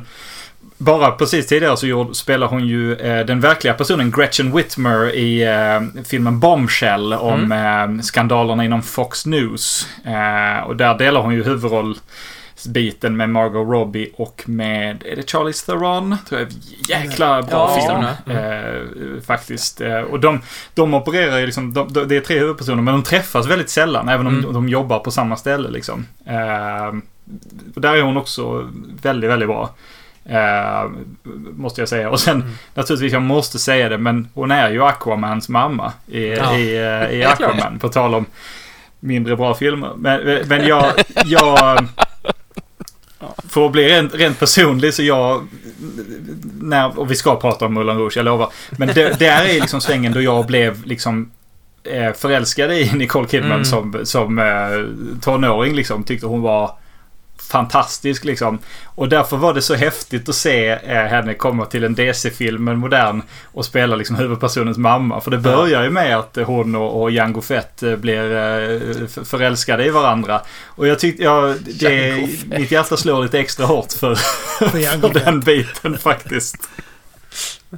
Även det är om det är en eh, mindre bra film. Ja. Men Ja, jag men det- tänk... Ja, vad tänkte du säga Henrik? Nej, jag skulle bara säga sånt som jag har sagt innan, så jag är tyst istället.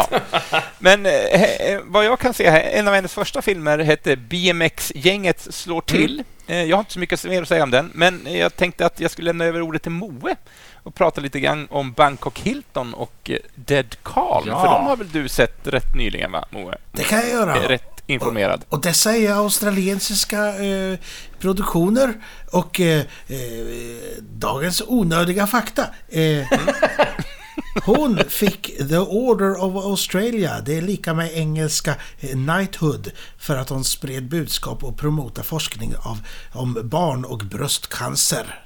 Bra gjort! Så. Ja, det är bra. Eh, jo, eh, alltså hon slog ju som sagt igenom, det var i samma år där, 1989, med eh, Bangkok Hilton och eh, Lugnt vatten. Och om jag ska vara ärlig så är det ju dem jag tänker på när jag tänker på Nic- Nicole Kidman. Eh, så jag såg om dem nu i veckan och Joneskär, du var min trogna vän på, på länken där. Vi Ja. tittade på, på, eh, på Dead Calm ihop, eh, Lugnt gjorde vi. vatten. Så vi tar den först. Ty, ty, tycker jag är rätt så kul att det, det är ju en, det är en thriller. Har ni andra tre sett den? Ja, två Det- är ni. Eh, väldigt länge sedan. Eh, jag tror när, jag såg den en gång på 90-talet och då var jag ju också relativt ung så att jag kanske Ja. inte såg den med rätt sinnesnärvaro. Eh, den, det som jag, jag reagerar över när vi kollar på den nu, det var att den började så chockerande. Började med en bilolycka då hennes Ja. unge flyger rakt igenom fönstret. Och man Ja, bara, alltså- wow, va, okej, vad var det jag, vad var det jag satte igång och kollade på nu? Det är verkligen det där, man ser ju också hur ungen flyger ut genom fönstret. Det är, det är brutalt liksom. Ja, verkligen. Och, Så det är en riktigt sån... Oh. och eh, då eh, för, för att... eh, För att bli okej är väl helt fel att säga. Men hennes man då spelad av Sam Neill. Eh, som är typ 20 år äldre än henne här. Eh, och ser ut som Sam Neill alltid ser ut. Eh, de, de tar sin båt för att ge sig ut på, på havet och komma bort helt enkelt. Och Ja. hitta tillbaka till varann. Och det är min första... Det vet jag att jag skrev till dig, eh, Joneskär. Jag tycker han är så felkastad för att man får en sån här liten creep-faktor. Är Ja. det han som kommer vara mördaren i den här berättelsen? för vi, För, jag, jag hade aldrig sett filmen innan eh, det här, så jag blev lite när du skrev så här. Nej, det, det är han väl inte. Eh, eller? Är han det? Ja, för för han det är är precis som du säger. Det är, alltså. ja, absolut. Absolut. Är du här för att träffa din fru? Ja. Och så lite med ögonen så här. Ja, jag vet inte tusan.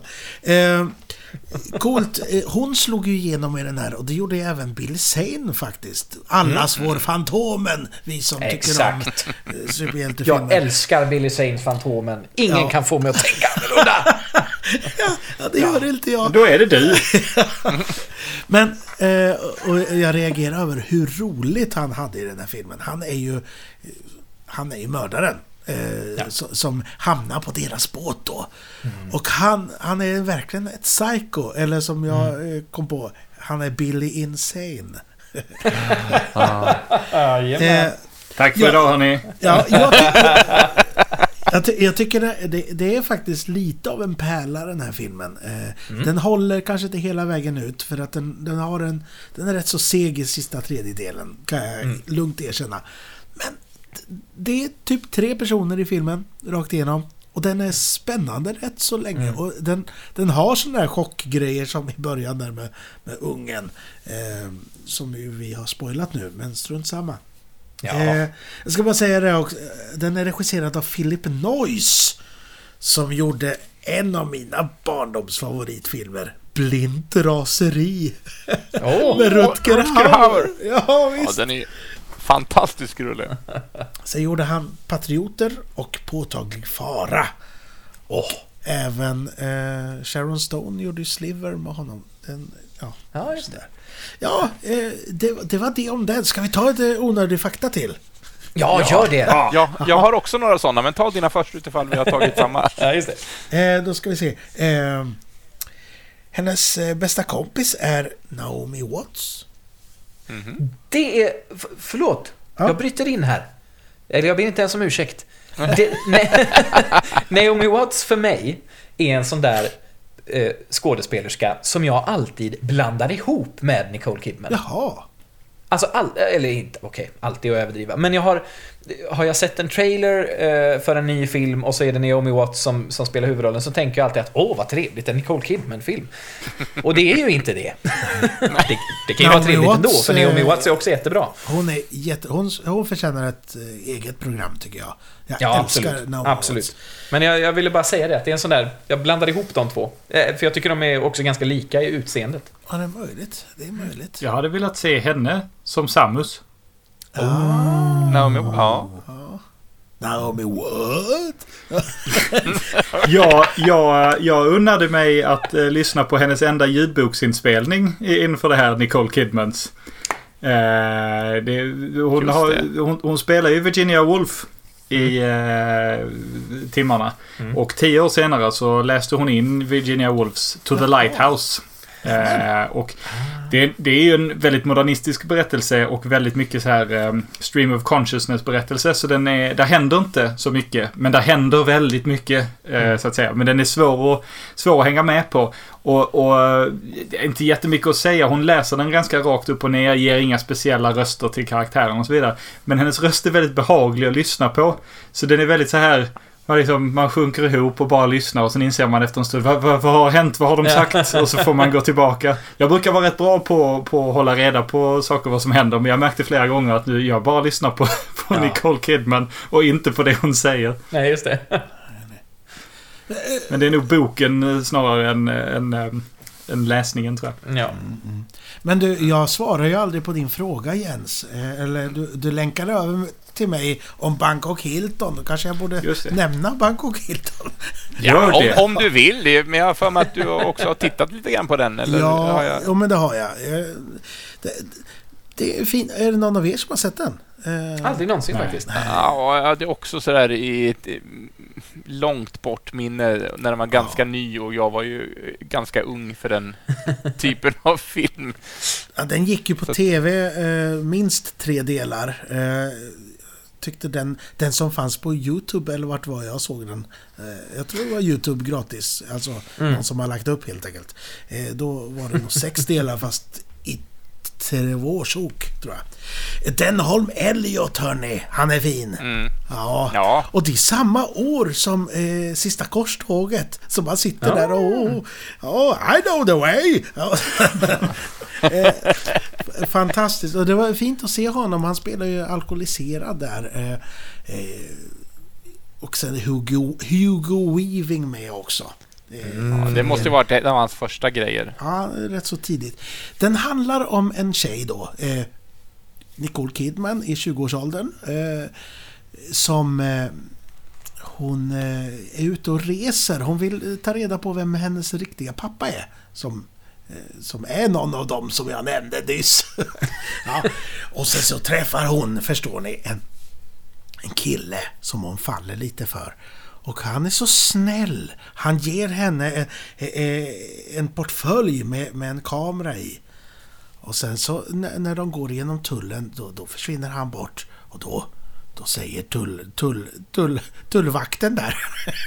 Han säger att Tull, du, tull." jag vill kolla i din väska. Och så, så skruvar de åt, upp där. I, I Thailand är de. Oj, oj, oj, där är inte så bra om man råkar ha någonting i väskan. Vad har hon i väskan under kameran? Jo, en jävla massa knark alltså.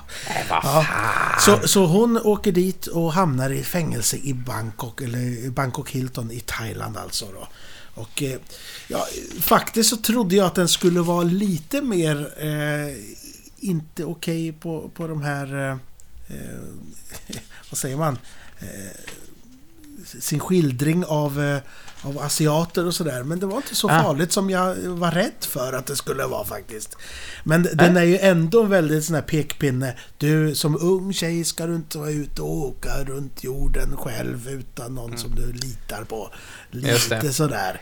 Eh, helt, helt, helt, helt, eh, helt reko tycker jag. Eh, kul eh, att se på grund av att det var, verkligen var hennes första eh, första som hon verkligen fick visa fötterna. Eh, vad hon kunde göra. För hon, som sagt, hon hamnar ju i ett tråkigt fängelse där med orättvisor och... Ja, det är tufft. Men tur, tur att Enholm Elliot finns, hörni. Eller han fanns. Ja. Ja. Ja. Och även i den här filmen gissar jag. Ja, Ja. så kan det vara. Så, som ett Eh. fyllo. Det kan man ju inte tänka sig att han skulle spela det. Jag sitter och tittar lite grann på hennes eh, meritlista här och jag inser att det är en jäkla massa filmer som jag inte Mm. har en aning om vilka det är. Jag tänkte bara namedroppa några så kan vi bara hojta till att man, ja, men det vet jag vilken det är Mm. åtminstone. Men, eh, ska vi se. För FUR, jag antar att det är engelska ordet för päls, ja, precis. Nej. eh, kom 2006. Eh, Rabbit Hole 2010. Ja, den är bra. Just Go With It 2011. Mm. Trespass också 2011 och The Paperboy 2012. The Paperboy känner jag till. Ja, det gamla. NES-spelet. Stoker 2013. Ah, Stretch 2014. Ja, ja, men det är massa filmer här som jag inte har en aning om som, man, som kanske kan vara några guldkorn. Det vet Ja, jag hon har ju en gedigen eh, rolllista och eh, har gjort mycket annat också som producent och sådär. Ja. Ja, precis. En del av dem är ju från hennes eget produktionsbolag, Blossom Ja. Films, som hon Mm. startade 2010. Men eh, är det inte så att vi får ge oss an Moulin Rouge nu? Ja, om inte... Jens, du hade någon eh, lite trivia också. Ja, eh, några små punkter. Jag kan bara bränna av dem i raskt tempo. Men hon har en IQ tydligen på 132 plus, står det här. Tjofräs. plus vad då? Det- Ja, 132 plus, står det. Ja. Eh, jag har inte... 130 mer än jag. Ja. Du har i alla fall plus, eller? Ja. Ja, men det här är ju från eh, IMDBs eh, trivia-sida, så man ska väl ta det kanske också med, med allt som sägs här med en nypa salt. Inte för att jag betvivlar att hon har en hög IQ eh, på något vis. Eh, hon har aldrig använt en body double i en nakenscen, står det här. Mhm. Eh, hon gillar po eh, poesi av Anne Carson. Eh, och eh, vad var det jag läste? Jo, hon skulle ju ha spelat Catwoman i Batman återkomsten. Och Ja! skulle ha sp eh, spelat med i Sömnlös i Seattle, som istället gick till Meg Ryan. Och hon skulle även ha spelat Jenny Curran i Forrest Gump då, som gick till Robin Wright. Just det. För att, mm, för att nämna några saker. Och- och- Men alltså det är en jättelång trivia-lista så att jag tänk, vi, tänk, jag, vi går inte igenom alltihop. Men eh, är man intresserad så gå in på IMDB och titta själv vet jag. Just det, hon, hon har varit sajt, alltså. gift med Tom Cruise också. Ja! Va? Vad är det du säger? De gjorde väl film ihop Och också? Keith Ja. Urban är hon ju gift med nu. Det kanske Ja, jag ja, Just det. Eh, Så, så, Så. det är kört Ja, men för ska- mig. Ska vi ta lite grann om Moulin Rouge så ska vi avsluta med det kanske? På Moulin Ja, och Rouge. Ja. Vi får ju ställa oss frågan då why? Jo, because we can, can, can. Can. Ja. Nej men eh, 2001 kom ju Moulin Spectacular. Ja, åh. Ja, det var en av de första filmerna jag eh, och min familj köpte på DVD. Så jag såg den för första gången på DVD tillsammans med en god vän. Och efter att vi såg klart den så var jag, jag var helt hänförd. Jag tyckte wow, vilken film. Och så, så landade vi bägge så Vad, vad handlar den om? Så, jag, jag vet inte. för allting händer jättesnabbt. Mm. Eh, Men vad bra den var.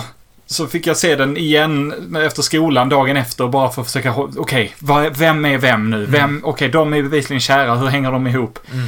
Eh, Den går ju väldigt snabbt. Det är australiensaren Baz Luhrmann som ligger bakom och eh, den räddade väl Jukebox-musikalen som eh, trend skulle man väl tro. Den, eller den tog tillbaka den i alla fall. Är det inte till och med så att det nästan startar den trenden? Eh, Ja, det kanske den gjorde. Jag, jag vill tycka att det fanns tidigare, men den, i den moderna varianten definitivt. Jag kan inte komma jag, på någon... jag kommer ihåg att jag blev så förvånad över att Va? It's a little bit funny. Vad kommer Your Song nu? Vad har den med det här att göra? Eh, Men det Det är var ju så må- roligt för att eh, versionerna som hon och Obi-Wan eh, gjorde eh, har ju liksom gått och blivit Ewan de McGregor. definitiva... Ewan McGregor. eh, har, ju, har ju för många gått och blivit de, de definitiva versionerna av en del av de här klassiska eh, låtarna. Ja, ja. Eh, det, kan man tycka vad man vill om, men jag menar de, de plockade ju upp massor av de här klassiska låtarna och, och tog dem till, till förgrunden igen liksom. Och det startade ju lite av en musikkarriär för henne. Hon gjorde ju Something Stupid med Robbie Williams eh, där i, i samma sväng och har släppt några, några album tror jag bestämt. Eh, och där spelar hon ju då Satin, kurtisanen, som eh, The Penniless Writer eh, sla, slash sitar artist slash, eller sitar player, som blir förälskad i. Ja, Moe. och där har vi kopplingen till Star Wars igen då. För att är Satin, vem är det i, i, i Star Wars, eh, Jönsson? Ja, men det är ju Obi-Wan, tjejen som Obi-Wan är kär i men aldrig eh, fick ihop det med. Nej, för han är ju Och känns, inte, känns inte det dumt då att hon blev ihop med Django Fett sen? Det är ju en, en, vilken förolämpning det är, men bra, jag måste säga bra där, bra. Ja, och det här är då kapitlet av podden där Star Wars-fantasterna eh, plockar hem några igenkänningspoäng. Ja, för, förlåt oss allesammans som inte har riktigt eh, intresset. Ja, det är härligt. Ja. Jag, jag tror att, eh, alltså, jag, jag tröttnade efter att ha varit väldigt, väldigt glad för Moulin Rouge. Och Nu har jag inte sett den på ett tag, så jag, men jag tröttnade. Den, den, det är ju, för att använda ett ord jag har använt många gånger, men den är ju ett, väldigt- ett väldigt melodrama. Alltså Satin eh, är ju liksom den här, den, eh, den, eh, hon önskar mer och mer, hon vill bli a real actress som hon säger, men hon arbetar som, som danserska och, och, och kurtisan. Eh, och, och så lider hon av den här liksom klassiska filmsjukdomen av att hon hostar ibland. Eh, och sen så coolar hon vippen. Spoiler. Ja, det. Ja, det. Ja. Men eh, Jens och Henrik, ni har sett den för inte så länge sedan va? Mm. ja, jag såg den för någon vecka sedan bara. Eh, insåg att min sambo inte hade sett den, så att då Åh. tvingade jag henne eh, ner i soffan och tittade på den. Vad tyckte hon om den? Jag hade ett härligt återbesök. Hon var inte lika Nej. eh, begeistrad. Nej. Så jag vet inte om, eh, om den ligger lite fel i tid just nu eller Ja, vad det kan vara. Eh, hon Kanske. gillar ju den, men eh, hon, hon hade inte så mycket referenser till musiken, nej, nej. eh, sa hon. Och för mig är det liksom självklara covers som... Ja, naturligtvis vissa låtar, eh, alltså Queens Go On, Madonnas Mm. eh, Like a Virgin, naturligtvis eh, många. Men jag, ett av mina favoritnummer är ju La Tango del Roxanne, Ah, som mm. är Stings eh, låt, eller i The Police regi, va? Eller vad gjorde han som solartist? Roxanne! Det är polis. Ja.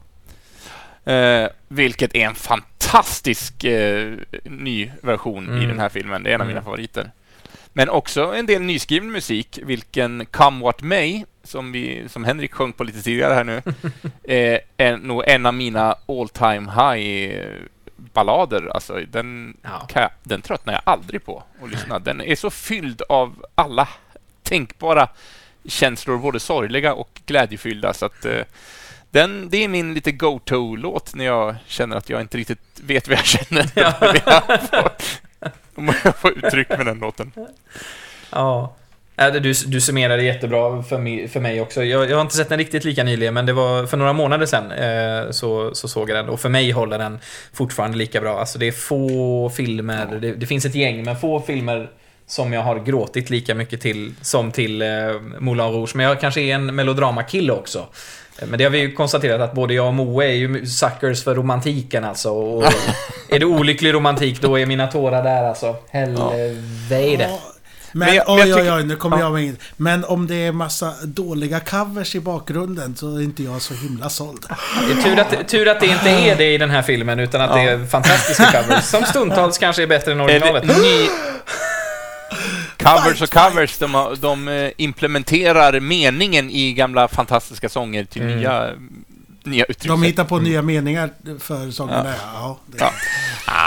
Men, Nej, men, det jag vill säga, Ja. jag jämförde ju, eller jag tyckte att Nicole Kidmans eh, skådespelarstil är också att hon balanserar och förstår stämningen i det hon gör och att hon kan balansera mellan komik och allvar Mm. och allt. Och hela den här filmen är ju liksom en förlängning av Nicole Kidman. Hon gör ju den här filmen till vad den är för att den är vissa minuter så otroligt tramsig Mm. och slapstick-artad och det säger jag med massa kärlek i rösten. och vissa scener är så himla hjärtgripande och sorgliga så att man hulkar ju för minsta antydan liksom. Så att, eh, nej, jag, jag gillar Moulin Rouge. Mm, jag med. ja, men den är ju helt okej. Där hör du Moe. Ja, det, det, det är just, alltså, komiken är nog det som sålde det, sålde Ja. det för mig. Eh, och just hennes prestation också, att hon, hon eh, går från det dramatiska till det komiska. Nu bara upprepar jag vad Jens sa. Men, men också liksom hur hon sjunger och hur Ja. hon dansar och just att hon, hon då var det skadade revben och under, under produktionen. Det, det, det är mycket där alltså. Mm. Eh, Det måste ha varit en, en, en, en påfrestande inspelning. Men det, det märks liksom inte på henne. Och Nej. det, det, Jo, menar, det märks inte på de andra heller. Nej. Nej men, och det, jag måste också där med sångprestation ändå eh, också bara understryka att jädra vilken pipa Ewan McGregor har. Sen så kanske den är super autotunad fast jag tycker inte man märker det, men jag har aldrig haft ett öra för det där i och för sig. Men, men eh, båda de två, är, de är ju, vilka sångare! Oj, oj, oj. Nej, de är ja, fina ihop. De har Vet fin ni, kemi. vet ni om att, eh, att hon hoppade över high school? Yes. Och lyckades ändå. För det, för det var lite trivia där. Ja, men då, då, då kontrar jag med att hon samlar på antika mynt från Judén. Jaha. Och då kontrar jag med att jag samlar på Star Wars-hjälmar. Ja, jag har inte Det så vet mycket vi, med Henrik. Fast det, med Nicole Kidman att göra där, men... Nej, jag trodde vi pratade om mig. Handlar inte det här om mig? Jo, på sätt och vis. Det handlar, det handlar lite om oss alla fyra, tror jag, och Ja, våra referensramar. Eh, hörni, har vi någonting mer att säga om Nicole Kidman? Eh, har vi något läsarbrev som tar upp någonting som vi kanske inte har nämnt? Eh, nu ska vi se, ska jag bara klicka upp rätt eh, dokument här, sådär. Jo men du, vi Då har... kan jag säga... Ja. Ja, vad bra. Ja, då säger jag. Vi har fått massa kommentarer och de flesta är ju liksom folks eh, favoritfilmer och då nämner de ju, mång, de flesta nämner Moulin Rouge. Eh, vi får också Ice Wide Shut till exempel som hon gjorde tillsammans med Tom Cruise där. Ja, Bangkok Hilton, The Hours. Eh, Linnea Karlsson eh, lyfte The Hours till exempel att hon eh, minns den som svinbra när den kom. Eh, en film som hon vill se om och om eh, och som fortfarande håller. Eh, åter till Cold Mountain är ett annat exempel. Just är, det. Johan Eklund håller med mig om Dogville. Ehm, och nu ska vi se. Rasmus Holmberg lyfter Lion som en väldigt stark film. Eh, där hon gör en biroll, eh, men gör det med den äran. Eh, Mats Genfors skriver att hon har headlinat löjligt mycket biotid och att han inte har sett 10% av det. Och att... Ja, han skriver så vackert här. Eh, att, men att den rullen som har satt sig för honom är The Others. Eh, så, och det är det många andra som håller med om också. Eh, Jens Lundmark återigen lyfter eh, Moulin Rouge han med och eh, The Hours också. Och min kompis Frasse Hellström då lyfter ju naturligtvis Moulin Rouge och eh, Guldkompassen. Han vill, han vill att de ska fortsätta. Moulin Rouge heter det väl? Ro- Moulin Rouge, ja. Moulin Rouge. Moulin Rouge. Moulin Rogue, det är ju hon från X-Men. Ja, Malin Den Rogue. röda kvarnen, Moulin Rouge. Ja. Titta vad jag kan franska, va? Ja, det är fint. Mm, Ja. Men i så fall så tror jag nog att vi kan även sätta en avbockning på detta ämne. Ja. Fantastiskt härligt. Jag tänkte bara, det, jag läser här att det finns en film i pre-production just nu enligt IMDB som heter Being the Ricardos. Mhm. Vad Ja. tror ni hon ska spela för roll där? Hon ska spela Lucille Ball, inte sant? Jajamensan. Så det blir någon slags geo geografisk, jag på säga, man vet. Biografisk. biografisk film om eh, Lucille Balls eh, karriär. Mhm. Men det står också rumored, så att jag, det är väl inte riktigt Ja, just det. klart. Även Javier Bardem eh, är rumored att gå in. Men J.K. Simmons är tydligen klar och ska spela en roll där. Ja, trevligt. Ja, mycket, mycket. Men i så fall, eh, då har vi klarat av eh, två ämnen i detta avsnitt. Ja. Och det var härligt att få djupa, djupdyka ner i dem. Och vi ska väl börja göra oss klara för nästa poddämne och det kan ni som lyssnar också få göra om ni har Ja. någonting som ni vill komma in på. Vi ska ta ett väldigt, väldigt stort ämne som vi fick ta och banta ner lite grann.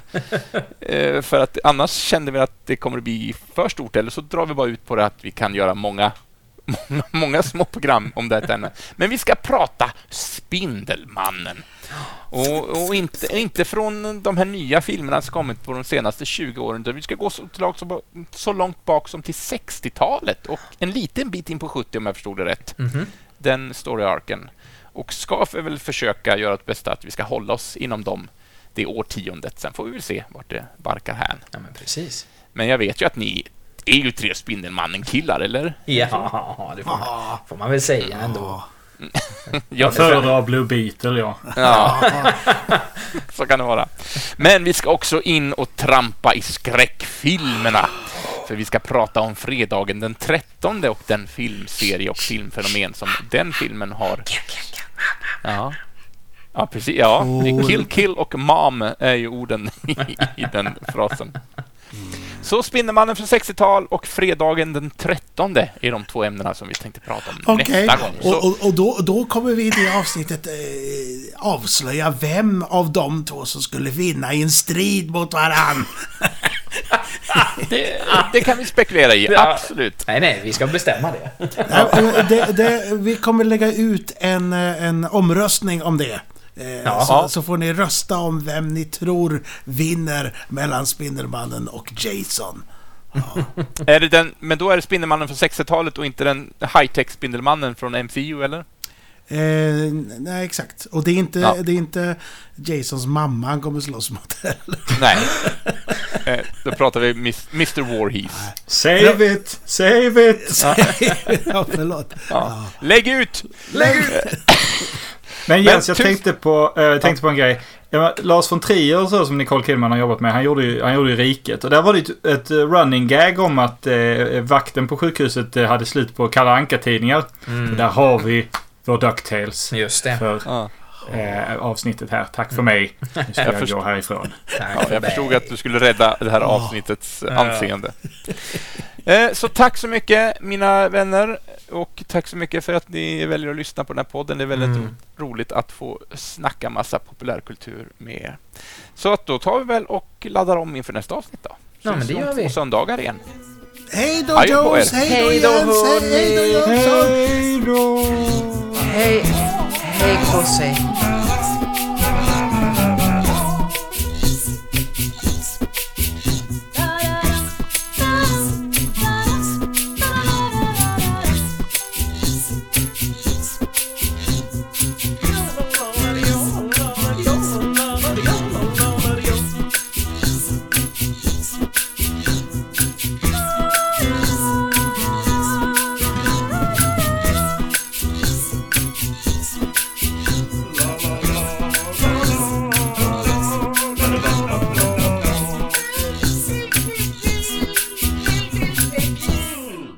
Ja, nu, nu är jag ensam kvar i podden. De andra har gått. Och då kan jag avslöja, kära lyssnare, att jag kommer göra en kupp och från och med nu kommer vi bara prata om Buffy the Vampire Slayer. Inget annat. Lyssna inte på dem. De ljuger. Det är bara Buffy. Buffy-podden med Joneskär. Hej då. Kanske.